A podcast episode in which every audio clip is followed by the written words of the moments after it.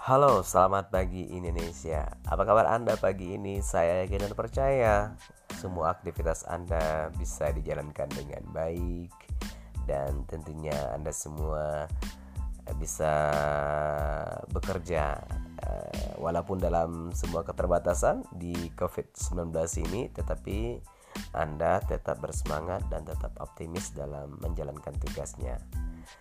Uh, selamat pagi teman-teman para penggerak-penggerak pendidikan yang sekarang uh, sedang uh, terus berusaha meningkatkan bagaimana kualitas pendidikan Indonesia walaupun dalam WFH atau work from home dan juga uh, long distance learning ya bagi para pelajar yang tentunya sekarang dalam keadaan belajar di rumah jarak jauh dengan para guru-gurunya.